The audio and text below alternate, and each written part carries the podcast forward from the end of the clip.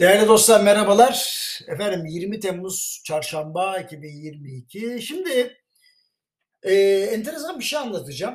E, E-ticarette yeni bir düzenleme geldi. Bu e, düzenlemenin yan etkilerini anlatmadan evvel Ulu Önder Atatürk'ün daha Cumhuriyet kurulmadan gerçekleştirdiği İzmir İktisat Kongresi'nden ve ondan sonra yaptığı iktisatla alakalı konuşmalardan bir genelleme yapacağım. Diyor ki e, Mustafa Kemal Atatürk, şahsi menfaatler genellikle toplum menfaatinin önünde çıkar, doğrudur. Ama bunu önlemek için devletin düzenleme yapması lazım. Ancak devlet bu görevi yaparken aman dikkat diyor piyasa kurallarına saygılı olsun. Aksi takdirde diyor piyasalar bozulur. Bence doğru söylemiş. Yani kimse buna zaten karşı çıkamaz. Şimdi burada piyasa kuralları ne? Piyasa kuralları aslında arz talep dengesi. Devletin görevi de mal ve hizmet üretenlerin sırtındaki yükleri hafifletmek. Bu kadar basit. Peki Atatürk bunu niye söylemiş? Halk arasında bilinen iki tane sebepler. Hazır mısınız? Söylüyorum. Korku aklın katilidir. Yokluk mertliği bozar. Şimdi birinciden başlayalım. Bir piyasayı düzenleme yapmadan uzun süre devlet izlerse önünde sonunda çok sert ve piyasayı çalıştırmayacak kadar rigid bir mevzuat çıkarır. Niye böyle yapar? Çünkü bürokrasi der ki ya itiraz gelene kadar bekleyelim der, rahat rahat yönetir.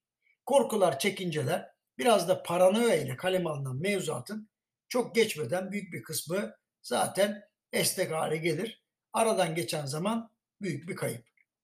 İkinci sebep ise şu, ekonominin zora girdiği ve kamunun kaynak yaratmada zorlandığı zamanlarda devlet kolayca alabileceği gelirden bağımsız kesintiler tasarlamaya başlar. Çok net söylüyorum. Yani bir kerelik der ama rekabeti de bozar. Büyükler küçükleri yer. Piyasa bozulur. Canım bir kere verecekler amma da büyüttüler şeklinde söylemlerle geçiştirilse de piyasaya yeni oyuncuların gelmesi maalesef bu şekilde engellenir. Hatta bazı bir kerelik kesintiler kalıcı hale gelir. Şimdi şaşırtıcı bir bilgi daha vereyim. Bu şekilde yazılan mevzuatın arkasında çoğu zaman sektörün sevilmeyen ve kuralları esneten oyuncuları da bulunur. Bazen de sektörün rakibi olan başka sektörler de el atıyor bu kötü işlere. Siyaseti arkalarına aldıkları için bürokratlarla sürekli temas içindedirler. Son zamanlarda e-ticarette yaşananlar yukarıda bahsettiklerimizin büyük bir bölümünü kapsıyor. Sektör destek beklerken beyninden vurulmuşa döndü desem yanlış olmaz. Şimdi meclis komisyonundan eşine az rastlanacak hızda geçen ve sonunda genel kurulda kanunlaşan metne göre firmalar işlem hacmine bağlanan lisans bedeli ödeyecekler. Yukarıda belirttiğim gibi yani az önce belirttiğim gibi kamunun geliri ihtiyacı olduğunda bir kerelik kesintileri sürekli hale getirme alışkanlığı var. Buna refleks diyelim. Metinden anladığım kadarıyla hacim yükseldikçe lisans bedeli de oransal olarak artıyor. Adeta bir çifte vergilendirme diyebilirim. Vahap Munyer Üstad geçen haftaki yazısında durumu şöyle özetlemiş. 100 liralık bir tişört için devlete 25 lira vergi ödeme gibi bir durumla karşı karşıya kalınabilir. İşlem hacmi artınca böyle bir durum oluyor.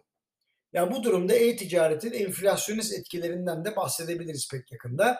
Sürekli artan vergi ve kesintilerin fiyatlara yansıdığını sayısız örnekle test ettiğimizi gayet iyi biliyoruz. Şimdi kanunda bir de marka yasağı var ha.